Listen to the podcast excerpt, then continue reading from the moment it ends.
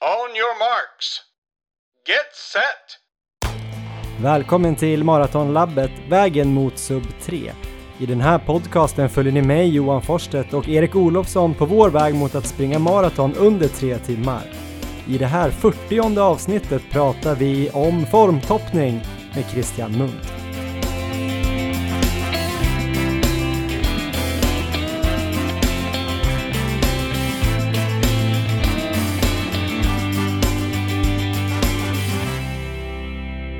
God morgon din gamla domherre! God morgon, god morgon! Hur är läget? Hur är läget? Oj! Smurf! Pratar du? Jag pratar. Jo men det är bra tack. Eh, det är mycket bra. Jag har kommit tillbaka till Stockholm efter eh, 9-10 dagar uppe i Östersund och eh, ja, det är fint här också. Det var otroligt härlig höst eh, där uppe men det börjar bli lite kallt och löven trillade av så då var det perfekt att åka ner till Stockholm och få liksom den här fantastiska färgexplosionen igen. Just det. Själv då? Det är på bättringsvägen skulle jag säga. När vi pratade sist för en vecka sedan, då, då var ju allt prima. Ja, men sen har du gått och blivit sjuk. Ja, precis. Sen så drog jag min så här klassiska sjukdomsperiod som ska ligga ungefär nu, tre veckor innan maraton tydligen och eh, den har väl hållit på fram till nu så att eh, tyvärr då så har jag missat massor av träning här som det känns i alla fall. Just det, så du håller på att klättra på väggarna och bli galen och se hur det här sub 3 glider dig ur händerna, eller hur? Precis så är situationen. Du har till och med börjat drömma mardrömmar. ja, det har jag faktiskt. Sjukt nog. Berätta. Jo, men det är ju det är ganska så här klassiskt eh, egentligen sista två veckorna innan ett maraton att man går in i en sån här taper madness-period, alltså en formtoppningsgalenskap. Eh, mm. Eh, och där befinner jag mig redan nu, så här, ja, nu är det väl två veckor och tre dagar kvar när vi spelar in. Just det. Men eh, jag, jag känner mig riktigt så här, eh, riktigt, riktigt osäker på allting nu. um, så eh, jag vet inte riktigt vad jag ska ta mig till. Jag har och kollat kolla på Strava lite grann. Ja. Um, och försökt analysera den här specifi specifika perioden och insett att jag har ju typ misslyckats med nästan allting jag hade tänkt mig under den här perioden. Så att det är det, jag har inte insett hur illa det är förrän jag började kolla där. Jag hade ju, när vi pratade lite innan, då var det ju, min plan var ju att springa ungefär kanske 12 mil i veckan. Hade jag hoppats på att kunna nå upp till i alla fall. Just det. Um, och som mest under, om vi tittar tillbaka sju veckor nu, som mest så har jag nått upp till eh, uh, 10 mil två veckorna och sen har jag flera av veckorna där jag inte har nått upp till många mil alls känns det som. Um, så vi har dels det, jag tycker jag har sprungit alldeles för lite och uh, sen så på förhand så hade jag ju tänkt att springa två stycken preparationslopp, Stockholm halvmara och uh, Hässelbyloppet i helgen. Och eh, jag kommer inte springa något av de två loppen nu heller på grund av först eh, cykelolyckan och sen sjukdom. Ehm, och sen så här i söndags så skulle jag ju springa mitt så här sista långpass som låg så här bra tre veckor innan. Men det blev ju ingenting med det heller, så att det är ju, jag vet inte, jag har ju typ misslyckats med allt. Och eh, nu så är jag fortfarande lite sjuk, jag börjar bli bättre, jag har börjat jogga lite på slutet, men eh, nu ska vi alltså gå in och formtoppa och hålla på, eh, ja, Ja, men om vi tänker så här då, att du får prata ut lite om det här nu och ja. sen får du släppa det. um, ja, men det är nog bra. Så försöker vi hitta några positiva, vad ska man säga, några positiva saker att fokusera på istället. Ja, um, jag tror jag behöver Men vad, hur mycket har du tränat nu då? Om vi säger att den specifika perioden är de sista åtta veckorna då inför ja. Eh, Frankfurt. Nu är vi då i vecka sex av de åtta. Vad har du då gjort de här fem och en halv veckorna då, kan vi säga. Ja, som jag sa då så har jag haft två veckor med tio mil och det är i och för sig ganska bra veckor för då har det är jag jättebra ju, veckor. Då har jag haft tre kvalitetspass på de veckorna, mycket marafart. Um, sen så ska det väl sägas att en av anledningarna till att jag inte har nått upp till 12 mil i veckan är väl att jag har bytt ut egentligen något löppass mot eh, cykla på gymmet istället. För mm. att spara lite på benen så att eh, ser man det så så kanske ändå, det, det, har inte varit några misslyckade veckor utan det har ju ändå varit bra träningsveckor. De här veckorna som du tycker är misslyckade då, hur många mil har du sprungit då? Ja men det var ju, jag missade ju tio dagar med cykelolyckan så då sprang jag ju ingenting där ett tag. Och... Just det, så det är en och en halv vecka? Ja, och sen nu senast, den här veckan har jag, kommer jag inte komma upp i mycket heller och även förra veckan då så vart det ju betydligt mindre volym. Så... Oj, oj, oj, jag har nog inget positivt att säga. är, det är kört alltså, fan vad tråkigt. Nej, jag skämtar. Eh, men jag ser det ju inte så. Jag ser det utifrån. Jag tänker att du har ju tränat på ganska bra. Men eh, jag tror du får tänka så. Du har ändå gjort, eh, som jag kommer ihåg, bara några grymma pass där du sprang 25 kilometer i marafart för typ fyra veckor sedan eller något. Ja. I någon sorts supervind också, någon tromb. Just eller stormen det. Karin eller vad den hette. Just det, det var ett bra pass. Ja, ja. och sen vet jag att du gjorde ett helt sjukt pass eh, ute i Morgongåva. Ja, just det. Ekvalls monsterpass. Ja. Typ brutalare än de flesta skulle klara av. Ja, men det stämmer. Och sen hade du ett intervallpass eh, på bana 15 gånger 1000 tror jag. I ja. 3.50 fart med typ 45 sekunders vila. Just det. Eh, så du är brutalt bra, eh, du har brutalt bra kapacitet. Ja, ja men nu, nu känns, börjar det kännas lite bättre när jag tänker på det. Och du kanske kollade längre bak i Strava också? Vad du har gjort hela hösten och sommaren? Du har ju typ legat på de där 10 milen i snitt nästan, eller? 8-10 ja. mil i alla fall om du skulle sluta på alla veckor och ha, och ha kvar dina sjukdomsveckor och kanske veckor efter maraton och sånt där så ligger du väl fortfarande någonstans på 8-10 mil i snitt? Ja, det kan man nog säga om jag räknar bort eh, perioden efter fjällen. För då syns väl heller inte alla dina pass i Strava eftersom du har sprungit en del på löpan. Så att eh, om man kollar där så ser det väl inte exakt hela bilden va? Nej, ja, men det stämmer ju. Så eh, ja, det kanske inte är lika illa som jag har fått för mig. Så jag känner så här att risken är ju såklart att du inte haft en perfekt specifik period. För det kan man väl kanske säga då. För en perfekt specifik period, då hade du kanske tränat fem och en halv vecka utan eh, några problem alls och kanske sprungit de där två loppen. Precis. Men eftersom du var på så bra hög nivå innan och under här så tror jag sub 3 är ju fortfarande väldigt eh, uppnåeligt för dig. Ja. Det vore ju konstigt om du missade det, tror jag, om du nu blir frisk i alla fall. Eh, men eh, du kanske har missat en minut eller något. Du kanske skulle kunna gjort 2.54 och nu kanske du gör 2.55. Eh, eller 2.56. Ja, det vore ju fantastiskt. Kommer vi under tre timmar så är jag helt nöjd. Men eh, ja, men vi får väl, får väl se det så. Det är ju en så här positiv sak i alla fall, att jag blir sjuk nu, det är ju att risken att jag ska vara sjuk i Frankfurt borde ju vara mindre nu i alla fall.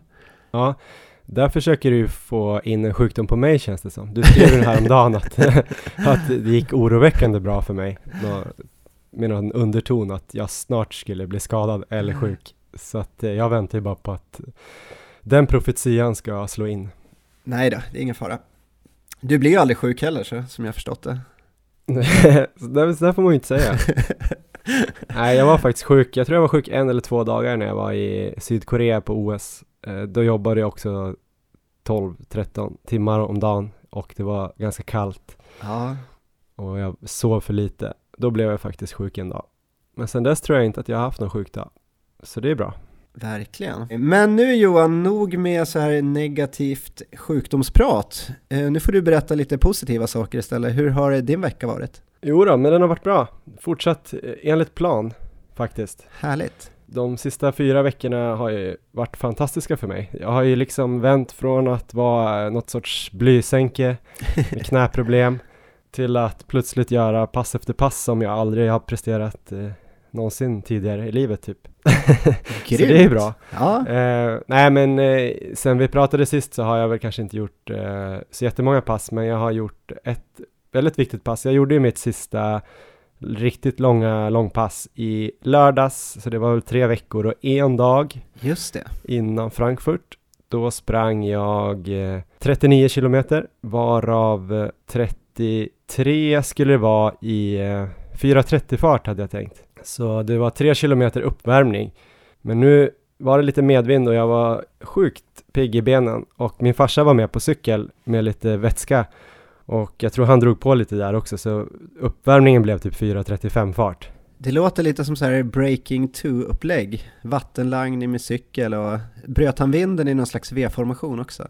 Nej, han hade ju ingen V-formation riktigt, för det var ju bara han. Han tog faktiskt lite vind på några ställen på vägen hem, för det var ganska blåsigt. Men annars var det mest som mentalt eh, stöd och eh, vattenlagning han var med. Just det. Och det gjorde han riktigt, riktigt bra. Tanken var ju då att jag, förutom att jag skulle få det här långpasset, var det som ett genrep över min eh, energiplan. Så då tänkte jag att jag vill inte springa med vattnet, för det kommer jag inte göra i Frankfurt. Då kommer jag ju få vatten var 50 kilometer.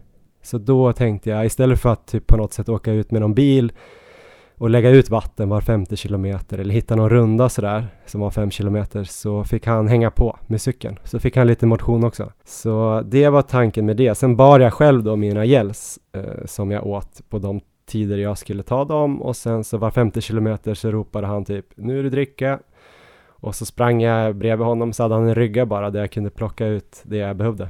Så Okej. det blev ganska likt eh, tävlingen tror jag. Men jag sprang i alla fall då de här första tre kilometerna i 4.35 fart. Sen sprang jag då, vad blev det? 16,5 bortåt. Ja, Längs Storsjöns strand. Från Ås bort mot eh, Torvalla by. Alltså man sprang mot Brunflo liksom. Alltså Just genom det. hela Östersund då, fast nere vid ja, Strandgatan där eller vad den heter. Hade typ 4.22 bort till vändningen. Känner mig väldigt lätt. snabbare än planen då?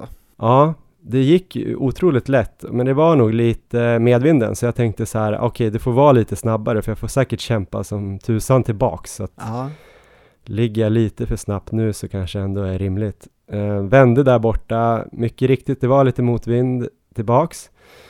Men jag vet inte, jag, det var inte så farligt. Det var några gånger det blev riktigt så här exponerat och öppet så här från Storsjön och det var någon sån här nordvästan. Då var det några gånger jag la mig bakom farsan där då, på cykeln. Men det var liksom inte så långa perioder för det blev lite jobbigt att hålla rätt fart och så här, ja, du vet det är inte så himla lätt att cykla exakt och så blir det en backe och ja, men några gånger tog jag lite skydd, men annars sprang jag ganska mycket i motvinden också. Så, ja men det gick bra. Jag hade 4.25 hem. grymt. Så det, jag vet inte om jag måste ha presterat bättre på hemvägen. Så det var ju riktigt, riktigt bra. Så där någonstans 4.24 då, 4.23,5 i snitt. Ja, Eh, plus de här första tre som med dem inräknat så var det ju 36 kilometer i, ja, jag vet inte vad det kan vara, 4.26, 4.27. För sen eh, joggade jag tre kilometer i slutet i fem tempo som av, avrundning och hela passet blev ju 4.29 fart på 39 kilometer. Så det var bra. Om du tar sista, ska säga, sista fem kilometerna då, dels eh, med energiplanen, fungerade det, Hade du, fick du några magproblem och dels eh, hur var känslan? Gick du in i någon slags jobbigt tillstånd eller? Eh, jag fick ju göra ett litet powerbreak. De skulle sända reklam och sådär. De filmade ju det här då och visade det. på Östersunds-Posten livesport. och då behövde de få in lite reklam för Beijers byggmaterial och Matpiraten eh, och ICA Supermarket i Brunflo och sådär. Ja, Så då var jag tvungen att ta en liten paus. Så då passade jag på att springa ner till sjön där och, ja, och tumma mig lite grann. ja, Nej då, skämt åsido. Ja, en snabb, eh, en snabb toabesök. Eh, 90 sekunder tror jag farsan Ja. klockade till. eh, så det ska man egentligen lägga på på den här tiden då, för då stoppade jag klockan. Men det var märkligt, för det kändes ganska bra. Det var mer bara att jag blev liksom mekaniskt eh, i tarmarna så kändes det som att någonting ville ut. Men det är inte så att jag hade ont i magen eller någonting och när jag väl hade gjort det så kändes det superbra igen och jag var inte illamående efteråt och sådär. Så det var Ja. väl bara, ja, antingen hade jag ätit för mycket eller så var det rödbetsjuicen. Jag är ganska inne nu på att skippa rödbetsjuice i Frankfurt. just det. Eh, För det är de två senaste långpassen som jag har tagit det som det också känns som att det har varit lite oroligt. Så jag ska ha ett halvlångt pass här i helgen Ja, på två timmar och 15 minuter. Då tänker jag skippa det och göra resten, tänker jag. Och få se om det blir någon skillnad i känslan. Det kan ju vara det som sätter igång någonting. Så det blev ett litet avbrott där då. Det var efter 30 ungefär. Sen hade jag 6 kilometer kvar. Och då var ju första där ganska lätt för jag hade ju vilat i 90 sekunder då kan man säga. just det. Totalt på passet hade jag väl 153 i snittpuls eller någonting. Så, Ja, så bra ändå. Det var ju under, eh, ganska betydligt mycket under mitt eh, pers på maraton. Alltså Just i det. fart på 39 kilometer. Så mitt PB ligger ju pyrt till. Alltså det ju, ser ju otroligt positivt ut. Jag tycker det, ja, men det, det här låter fantastiskt. Mm, med ett litet då, en liten parentes för det där med magen, men eh, det ska vi nog få ordning på. Ja. I värsta fall så går jag på en lite mindre aggressiv eh, energiplan, att käka ännu lite mindre, för jag känner ju inga så svackor i energin och sådär riktigt. Så ja, vi får se. Du kanske kan träna på det här också, att göra ett riktigt snabbt depåstopp, ungefär som när de tränar sig skidbyte i skiathlon. Ja, absolut. Kanske kan det vara värt att lägga ett pass på. Göra. Det kanske går att hyra någon sån där bajamaja och sätta den nere här vid Årstaviken eller något. Ja. Och så bara springa förbi där, fram och tillbaks, in, ut. Det kan vara något. Om det är någon som jobbar, som lyssnar på det här, som jobbar med bajamajor så kanske ni kan sponsra med en bajamaja en vecka. Nej, jag är annars fullkomligt normal i magen vill jag bara berätta för alla. Ja. Eh, ja. Nej men det var väl det egentligen, det passet att skriva hem om den här veckan. Eh, sen har jag gjort eh, en del distans och återhämtning och fått massage av eh, farsan där hemma och sen har jag, gjorde jag lite intervaller här i, i tisdags, lite sån här uh, aerob power, alltså lite snabbhet uh, för maraton då, så vad var det, 1600 1200 800 och 400 i farter från typ halvmara fart ner till 5 km fart. Det var ett väldigt kul pass och lite tunga ben bara så här tre dagar efter 39 kilometer men eh, inga problem att genomföra det och pulsen såg fin ut. Ja. Så det har gått bra för mig på slutet, peppar peppar. Det låter som att du kommer kunna gå in nu i den här formtoppningsfasen ganska nedtränad och verkligen liksom vara i fas. Känner du så själv? Absolut, sen börjar man ju alltid tveka på, har jag tränat, eftersom man har klarat alla passen på något ja. sätt, så känner man ju lite så här, jaha, jag kanske hade kunnat kört ännu hårdare. Samtidigt har jag ibland innan passen känt så här, oh, hoppas jag klarar det här så att jag inte liksom går sönder eller någonting. Så det känns på gränsen på ett sätt. Men så här ja. i efterhand bara, men jag har ju fixat alla passen. Är jag verkligen nedtränad? Jag har inte känt mig super lågt nere och hängig och arg eller du vet sliten sådär. Men eh, jag hoppas att jag är på en bra nivå så att jag kan eh, släppa upp på träningen, sova, vila, ta bort alla de här trötthetsämnena i kroppen och sen eh, gå, gå ganska högt upp i den här superkompensationen. Jag vet inte, hur känner du där då? Alltså, min grej idag det är att gnälla väldigt mycket, så det ska jag fortsätta lite med. Kul! Um, och just nu så känns ju min form helt värdelös. Jag var ute igår och joggade lite och uh, det var jättejobbigt på typ alla sätt. Uh, jag kanske hade sovit lite dåligt så jag hoppas att det kan ha spelat in. Um, men just nu så känns det som att jag har ju inte alls fått in en träning som jag velat på slutet. Så att mitt stora problem nu det är ju hur ska jag liksom gå in och göra en formtoppning nu? För nu har jag redan vilat en vecka och istället för att vara nedtränad nu och gå in på en två veckors formtoppning, hur gör man då när man liksom har vilat en vecka och sen så kommer det två veckor till? Ska jag liksom köra på hårt ett tag till och sen lätta upp på träningen? Eller ska jag lätta upp på träningen liksom redan nu med två veckor kvar? Trots att jag redan har vilat. Ja, det är jävligt lurigt. Vad tänker du själv? Um, alltså det jag vill göra, jag vill ju köra på hårt längre nu. Jag vill ju inte gå in och vila, eller vila, jag vill ju inte gå in och liksom dra ner på volymen sista två veckorna nu, utan det känns ju mer som att kanske sista tio dagarna skulle jag kunna göra det och försöka få in några fler, fler kvalitetspass på slutet här närmare. Men sen är frågan om de passen kommer ge någonting eller om de bara kommer liksom slita också och att jag kommer komma där i Frankfurt och vara sliten. Och eh, jag har inget svar, jag vet inte, så att det, här, det här tycker jag är skulle vara intressant att höra mer om. Det låter som att du håller på att lägga upp för veckans intervju. Jag försöker. för grejen är att vi har ju intervjuat eh, Christian Munt, coach Munt även kallad på Instagram bland annat. Han eh, tränar ju bland annat eh, Carolina Almqvist och Martin Öhman som vann SM-guld på maraton i fjol. Han har även fått över Johanna Bäcklund, heter hon va? Ja. Eh, han tränar också Ted Armgren, gamla skidskytten och massa duktigt folk och motionärer också som är duktiga. Så elitmotionärer. Han har väldigt mycket spännande tankar och han var med oss i början av sommaren här också och pratade ganska mycket om maratonträning. Så tipsa om det avsnittet. Det borde varit någon gång i början av juni. Men vi har pratat med honom om formtoppning nu också.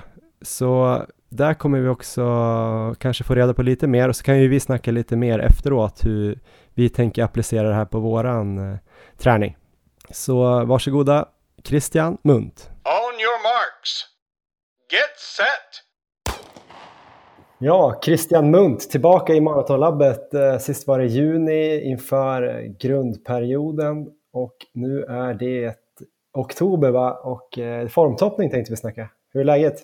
Ja men det är bra. Det är bra. Själv då? Ja, det är jäkligt bra. Det är spännande att det är så lite kvar. Det känns som att man kan eh, verkligen kolla på varje pass liksom, och känna att man är riktigt nära. Ja, men precis. Två och en halv vecka. Ja, det är inte riktigt lika abstrakt längre. Nu är det ganska konkret vad man måste göra. Precis. Men lite av det ska vi snacka om nu också. Men först tänkte jag bara lite bakgrund då för de som inte kanske lyssnade på förra avsnittet. Eh, du tränar ju både elitlöpare, elitmotionärer, motionärer.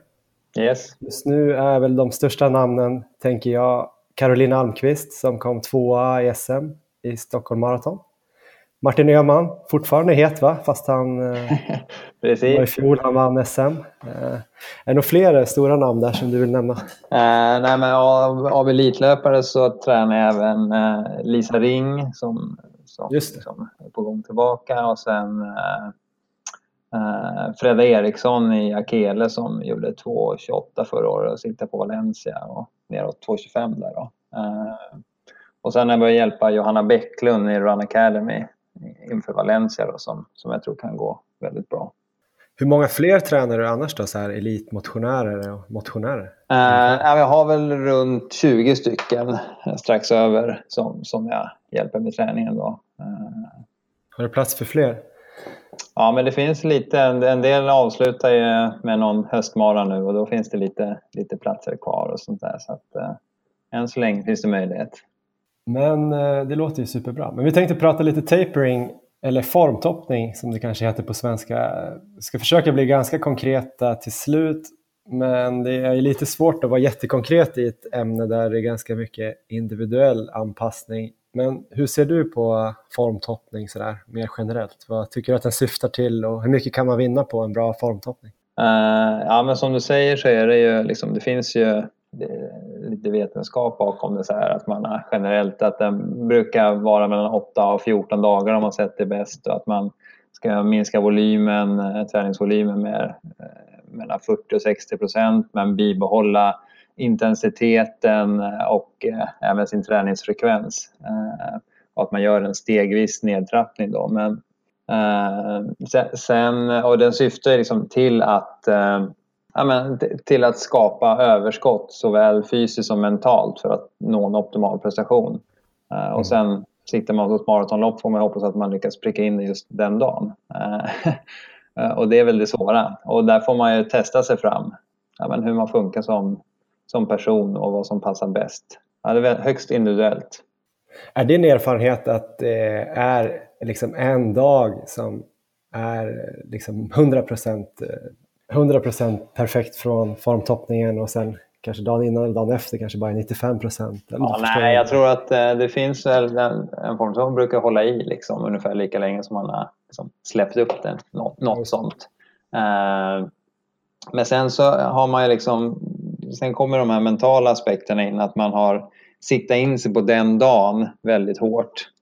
Eh, och, och då, det påverkar ju nästan mer tror jag då. Att blir det inte den dagen man får springa, att, säg, att de skjuter på tävling till dagen efter så, så tror jag att då, då gäller det att vara liksom stark mentalt. Liksom. Om man tar i ja, senast i OS med Frida Hansdotter där slalomen blev uppskjuten både tre och fyra gånger. Eh, ja, men det har hänt många gånger liksom inom idrotten att, att jag har liksom fått byta dag. Nu är det inte så troligt att just eh, Frankfurt Marathon byter dag. Då. Men, men, men, eh, nej, men jag tror att det, det, det handlar väl mer om att man, man har siktat in sig på den dagen. Man, man kommer ha liksom en bra form däromkring. Ja, men jag tänkte om man ändå ska försöka vara ganska konkret då. Eh, jag tänkte om man skulle ta ett, typ ett exempel på en maratonlöpare som springer 10 mil i veckan. Ja, Eh, Kanske har gjort det under den specifika perioden i sex veckor eller ja, han har kört det i fem, sex veckor. Fem, Ja. sex pass i veckan. Kanske fått in sina marafartsintervaller upp mot 4 gånger 5 kilometer. Långpass upp mot 38-40 kilometer. Eh, när tycker du att man ska börja ta ner på träningen och hur mycket ska man dra ner? Eh, jag brukar, eh, alltså om jag inte har jobbat med någon innan eller för min egen del också, när, om, man är osäker så tycker jag 14 dagar innan är ganska bra. Liksom, så här, mm. Lite mellanting. Eh, och börja. Och då kan man ju tänka sig att eh, första sju dagarna eller första veckan, du kan räkna söndag till lördag och räkna bort själva loppdagen för att underlätta liksom, beräkningen av volymen i veckan.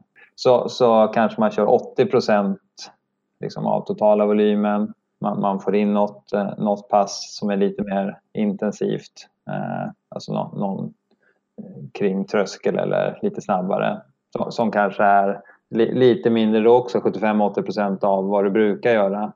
Och, och sen eh, även få in no, något i maratonfart som är liksom senare i den veckan på som är mellan 50-75 procent av vad man har gjort sista veckorna. Och det beror lite på när i veckan man gör den och vilken intensitet man väljer. Alltså ska du köra precis maratonfart, ja men då kanske det blir närmare 50-60 procent. Kan du tänka, kör du liksom 90-95 procent, ja men då kanske du kan köra lite längre pass. Ska man också ha något eh, liksom längre pass eller långpass när det är kanske då åtta dagar kvar eller skippar man det? Ja, men jag tror att du kan få in liksom... jag har brukat lagt liksom en vecka innan ett, inte långpass, men runt 20 kilometer eller 80 minuter eller något sånt där. Mm. Bara för att... Jag tror max 80 minuter. Bara för att underhålla lite. Eh, sen så annars behöver du nog inget längre liksom där. Så, så tajt inpå. Det, det, det kommer inte ge någonting till, till liksom själva loppet. Men alltså 80 av volymen näst sista veckan? Ja, precis. Så då blir det 8 mil ungefär då. Om du har snittat ungefär 10 mil. Och sen sista veckan kanske man ligger 50-60 av, av volymen. Det är ganska bra att försöka ha, eller jag försöker alltid planera in liksom större volym i början av veckorna så att det liksom droppar lite hela tiden i möjligaste mån så att säga. Men, men det är bättre att få in en tid i veckan. Som sista veckan så är det bättre att träna lite mer måndag till onsdag och sen så har det ganska lätt så att du hinner verkligen återhämta dig. Eh, och du sa någonting där om att man kunde räkna, vi springer på en söndag till exempel, om man räknar ut sista veckans eh, volym, då kan man räkna söndag till lördag istället. Eh, man räknar ja. bort loppet alltså? Ja, annars, annars käkar den upp. Annars får du inte springa något den mm. veckan. Eh, så att, så, eller så får man räkna på sex dagar. Det blir ju alltså 10 mil i, i veckan är ju ungefär 14 kilometer per dag. Så då, då har du det, den volymen att fördela på måndag till lördag. Då. Och då vet man ju, det troliga är väl att fredag, lördag är ganska liten. Då behöver du lite mer i början av veckan. Ja, just det. Så då kan man räkna bort en dag. Det blir 86 kilometer då ungefär som man ska lägga ut på de andra sex dagarna. Alltså hälften av det typ. Ja, men precis. Ja. Eh, men du snackade lite om det där med volym, träningsfrekvens och intensitet. Det är olika saker man kan bolla med. Men du skulle alltså säga att man kör ungefär sam, lika många pass i veckan och lika hårt ungefär men kortare. Ja men precis, jag, jag brukar oftast justera liksom volymen, både liksom totala volymen på veckan men även lite för kvalitetspassen. Eh, samtidigt bibehåller jag intensiteten på liksom, ja, kring maratonfart. Jag skulle inte börja köra väldigt mycket överfart på alla pass inför ett maratonlopp. Eh, och eh, det liksom finns ingen anledning att göra det.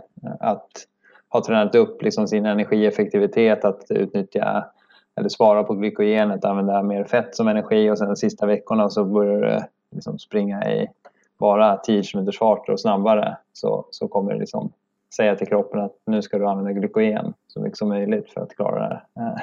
Eh, det blir lite kontraproduktivt inför själva tävlingsdagen. Så nej, men volymen är väl eh, bäst att justera tycker jag i så fall. Du har tidigare på ditt Instagramkonto eh, där det heter Coach Munt så la du upp Martin Öhmans sista fyra veckor inför Sevilla i våras. Då sprang han ju pers på 2.21 någonting.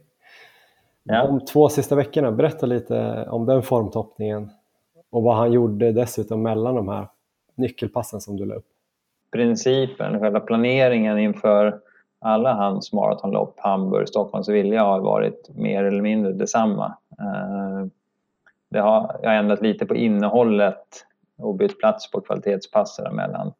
Men, eh, och eh, där, där körde han ju, om jag går liksom, börjar bakifrån så, så här, om, vad var det, 15, 15 eller 16 dagar innan körde han liksom sista, sista hårda passet. Han gjorde 5 gånger 5 kilometer. Mm. och eh, sen, sen hade han då på 12-13 dagar innan där så körde vi nå 6 gånger 1600 för mig. Eh, som gick i lite progressivt från maratonfart till 10 km fart för att liksom bara underhålla motorn lite och, och liksom inte köra något brutalt hårt. För fråga sagt där, var det liksom att första, alltså hela intervallerna gick snabbare och snabbare eller var det att varje intervall började på en viss fart och slutade snabbare? Eller, eller var det de sista intervallerna som var snabbare? Nej, precis. Genom hela första intervallen gick i maratonfart och så ökade liksom, så att sista gick kanske i 10 km fart. Och, sen, sen, och den låg väl på måndagen liksom, två veckor innan och sen drygt nio dagar innan tror jag att vi körde någon specifik uthållighet. Jag tror inför det här körde du nog två gånger sju kilometer med en kilometers joggvila innan. I marafart då? Ja, men precis. Uh, och sen en vecka innan 80 minuter i liksom hy hygglig distansfart, moderat fart sådär. Och emellan alla de här så har han, han liksom kört, kört distans bara och strides och, och försökt bibehålla liksom, träningsfrekvensen. Minskat den lite ju närmare liksom, loppet vi kom. Sista dagarna, alltså om man tar sista veckan så, så har, kör jag oftast bara ett kvalitetspass fyra dagar innan som är runt 5-6 kilometer i maratonfart och så kanske det är lite några, några 200 före och efter eller bara efter. Och sen är det sista så här, torsdag till, till lördag är typ jogga i 30 minuter och köra några hundringar. Efter varje halvtimmes pass? Ja, men efter ett par av dem i alla fall. Ja. Så det är väldigt lätt på slutet där och då liksom då har man möjlighet att eventuellt rädda upp om man har kört lite för hårt innan också. Ofta så, så är man liksom ganska van vid ganska höga volymer av träning så man klarar det ganska tätt inpå och då kan man liksom framförallt minska sista dagarna så att man får överskottet där. Då. Och de här stridesen, det är för att bibehålla lite... Lite speed, lite tonus i muskulaturen och uh, lite liksom fräschhet i, i kroppen. Och det är liksom mycket mentalt också, att man känner sig lite alert sådär. Men vad, ligger, vad låg Martin på för volym innan där då, i slutet av den specifika fasen ungefär? Och han hade väl nog snittat runt, här för mig, uppåt 18 mil i veckan. På hur många pass i veckan? oftast kanske 12, 13 pass. Som jag då till exempel som har sprungit nu 80 kilometer, inte ens mm. hälften, på kanske 4-5 pass. Det har blivit rätt få pass för att två av de här riktigt bra nyckelpassen blir nästan hela min eh, veckovolym. Ligger mm. kvar där då på fyra pass typ inför, sista veckan inför loppet eller ska man ha, kan man ha en hel vilodag? Ja men, det kan, ja, men absolut. Du kan väl, eh, jag hade väl kört lite så vanliga distansdagar då, måndag, tisdag och sen något, något, någonting i maratonfart på onsdagen. Mm. Kanske vi, vila torsdagen och sen fredag, lördag jogga bara de här 30 minuterna. Mm. Ja, alltså jogga 30 minuter är ju inte så mycket träning. Det är inget som kommer slita. Jag tror snarare att det är skönt att komma ut och rensa skallen lite. Och, alltså det är väldigt mycket mentalt på slutet. Det är, det som, det är väl det svåra med, med formtoppningen, att man inte får träna som man är van vid och känna sig bekväm med det. och, och se nyttan med det. Jag tänkte en annan sak, om man har någon annan typ av träning som man har kört, kanske styrketräning eller alternativ träning tar man liksom bort det helt på slutet eller drar man också ner, om man är van att köra styrka en eller två gånger i veckan, drar man ner volymen på det också eller skippar man det de sista veckorna? Nej, men jag skulle nog dra ner det ganska mycket. Jag skulle kanske ha ett, liksom, om man känner att man måste och är väldigt van. Så här. I början av, när det är liksom två veckor kvar kanske man kan ha ett lite lättare styrkepass. Men, men det känns inte så så viktigt de sista två veckorna att köra styrka alls. Jag tar bort alla backsprintar och allting också för att jag inte vill slita på musklerna så att de blir som fräscha. Uh, och kör man något annat alternativt som ja, om det är cykel eller crosstrain eller simma så kan man väl minska ner det också om det inte är bara för återhämtning att man kör 45-50 minuter lugnt, kanske dagen efter något av de här kvalitetspassen. Mm. Det går ju bra då om man är van vid det men, men annars så liksom man, man får bi, försöka bibehålla lite så, så som man har tränat innan men, men kanske ta bort det mest ospecifika. Men vi sa ju här innan också att det är ganska individuellt. Du har ju tränat en hel del olika löpare. Vad är Mm. din liksom erfarenhet av hur man svarar på, på formtoppning? Är det stor skillnad tycker du att någon vill dra ner tre veckor innan och någon vill träna hårt ända tills en vecka innan eller kör du ungefär samma? Uh, de flesta vill väl inte dra ner alls. skulle, skulle jag chansa på. Men, nej, men det blir väl lite olika. Jag brukar, för maran brukar jag nog första gången jag kör med någon köra något liknande av det jag gått igenom nu. Uh, om, om inte de har input på att så här, men jag svarar bäst på det här. Sen, sen vet man att det skiljer sig en löpare som, om man tar er två, Erik eh, och dig då, så Erik kanske är lite mer uthållig, liksom lite mer slow twitch-löpare. Mm. Och, och då kanske han klarar att upprätthålla volymen lite läng- närmare in på. Uh, och, och, du kanske behöver liksom släppa lite tidigare men samtidigt så, så, har han, så, så, tror jag att man kan... Det gäller inte att släppa för tidigt heller. Liksom. Uh, jag tror att det, då, då tappar man lite, lite i, i liksom prestationsförmåga. Mm. Där har vi faktiskt en sista fråga som knyter an till det här. Erik då, som är den här slow twitch-killen, har ju dessutom mm. varit lite sjuk här nu sista veckan. Så han ja. har missat bland annat sitt sista riktigt långa pass och något marafartspass. Mm. Han undrar nu ganska specifikt här om han eh, ska ändå dra ner träningen när han har tänkt, vilket är två veckor innan, eller ska han liksom lägga in några hårda pass till för att verkligen liksom kunna träna ner sig innan han släpper. Han är lite så här, han blir lite där, fått lite där taper madness nu att han inte vill eh, vila. Nej, det är en knepig situation. Först och främst måste han komma igång bra med träningen igen tycker jag. Eh, innan han ens börjar fundera på att släppa eller inte. Men, men om han kommer igång bra den här veckan och han kanske är igång nu redan så skulle jag nog kanske genomföra något, något slags kvalitetspass i, i helgen. Mm. Och sen köra ett lite tuffare på onsdag nästa vecka eller något sånt där. Det är ju 11 dagar innan. Mm. Man brukar säga att det tar liksom 10 dagar innan det ger liksom effekt. Så då kan vi ta 11 dagar innan. Just det. Och då, då skulle jag nog chansa på att köra ett 20-25 kilometer i, i liksom nära maratonfart. Mm. Jag tror inte att det sliter så mycket på men han får liksom ett bra sista pass både liksom fysiskt och mentalt. Sen har han ju 10 dagar på sig och, och liksom bli fräsch av det och det lär han ju hinna med. Jag skulle även underhålla med något eh, framåt helgen sen också.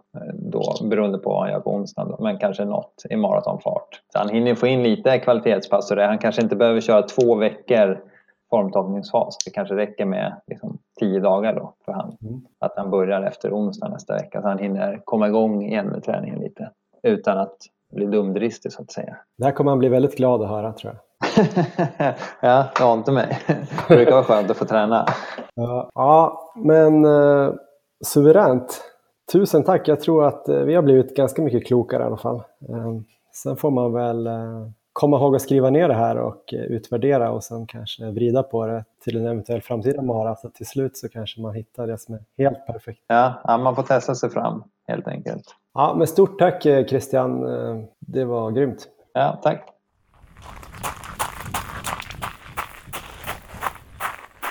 Ja, det där var alltså Christian Munt som ju väldigt specifikt svarade på din fråga där Erik angående hur du ska göra på tapering. Vad tyckte du om hela intervjun? Väldigt intressant och eh, framförallt den här sista delen. Jag lyssnade ju alldeles nyss på det här.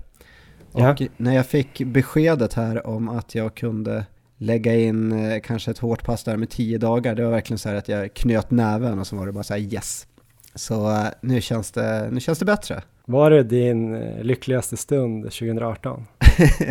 ja, men den ligger där högt upp i alla fall. Det, det känns bra. Um, jag känner att jag har mer tid nu och det kommer jag nog sikta på. Ett, uh, det här passet hade jag tänkt köra på söndag. Att uh, kanske ligga i runt 25 kilometer i mm. marafart. Men det kan jag skjuta på till på kanske tisdag eller onsdag. Just det. Och lägga in något annat lite lugnare pass kanske i helgen men ändå ett kvalitetspass. Så nu känns det som att jag har en bra plan. Ja, ja men det är väldigt spännande det här med formtoppning eller tapering och dra ner hur mycket man ska dra ner och sådär. Jag hade ju, jag hade ju läst att eh, en till fyra veckor var någonting som folk eh, brukade använda sig av och att två veckor verkar vara liksom optimala för de flesta. Så att om man inte vet något annat ska man satsa på två veckor och det var ju väldigt i linje med Christians tankar.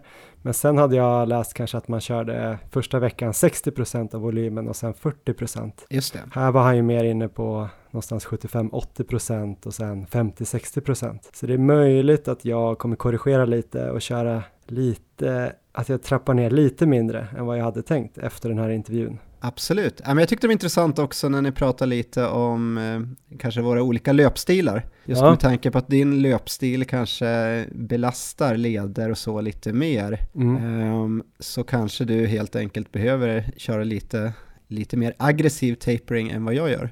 Och det känns ju logiskt på något sätt. Ja. Jag tror jag kommer lägga mig någonstans på eh, 70-50. Ja, Så jag höjer upp 10% än vad jag hade tänkt först, 60-40, så tror jag det blir en perfekt kompromiss.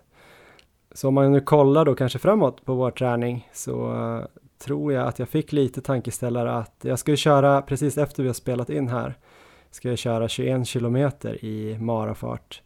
Eh, så 90 minuter i marafart då. Men för oss blir det. ju exakt en halvmara. Så hade jag ju tänkt att köra ett ganska hårt eh, pass i helgen också.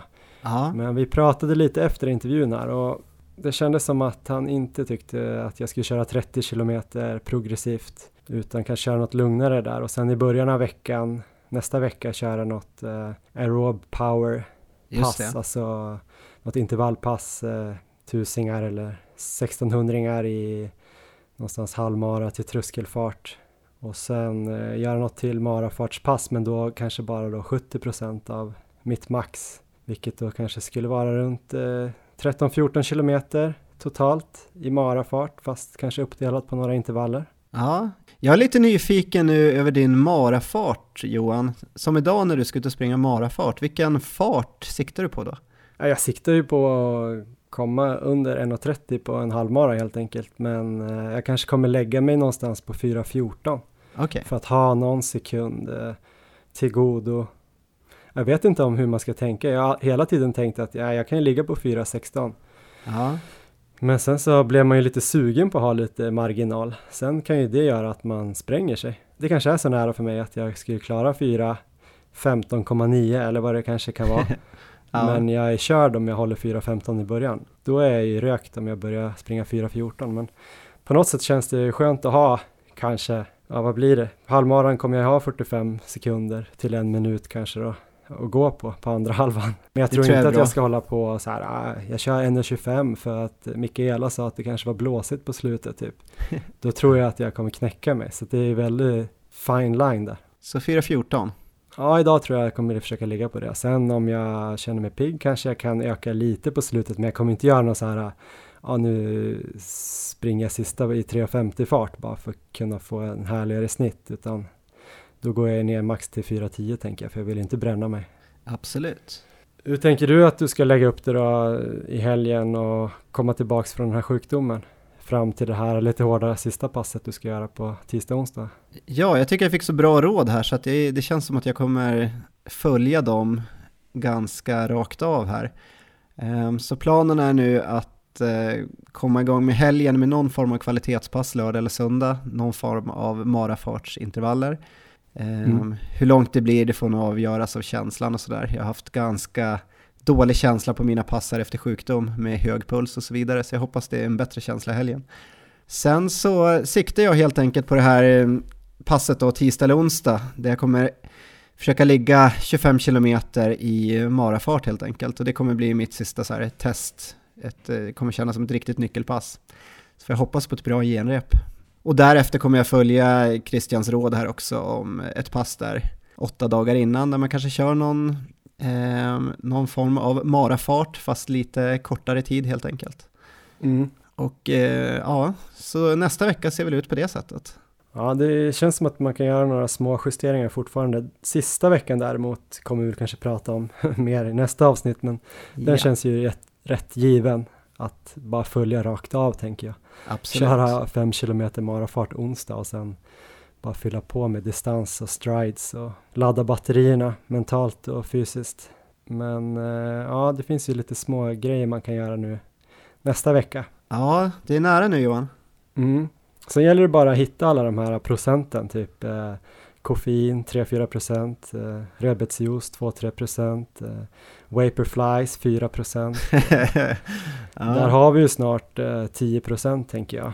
Det Ja. är ganska mycket, det är ju typ eh, 18 minuter på en sub 3 mara. Så att eh, säg att man är god för 3 och 10 så är man ju ändå nere på 2,52 helt plötsligt om man hittar alla de där procenten. Just det. Det ser lovande ut. Det låter enkelt. Ja. Vill du höra min dröm förresten? Ja, gärna. Ja, ja, det var, det var så här att du och jag sprang Frankfurt Marathon. Och eh, fem kilometer in i loppet, där, vi springer tillsammans där, så inser jag att jag har glömt att ta min U-can. Mm. Ehm, så att hela min energiplan spricker, spricker ganska tidigt. Men jag inser att jag måste ta gels hela vägen istället, men accepterar det. Och sen är det väl runt 15 kilometer, då har jag tappat bort dig och plötsligt så springer jag upp för en rulltrappa. Så jag är av banan och har irrat in mig i ett köpcenter och eh, har full panik och springer runt och frågar massa tyskar där om vägen tillbaka till banan. Och eh, någonstans där vaknar jag med panik sen så det, ja, jag hoppas det inte går så. Det är roligt att din energiplan ska vara så enkel som möjligt. Du ska typ bara ta you-can innan, men ändå glömmer du bort det.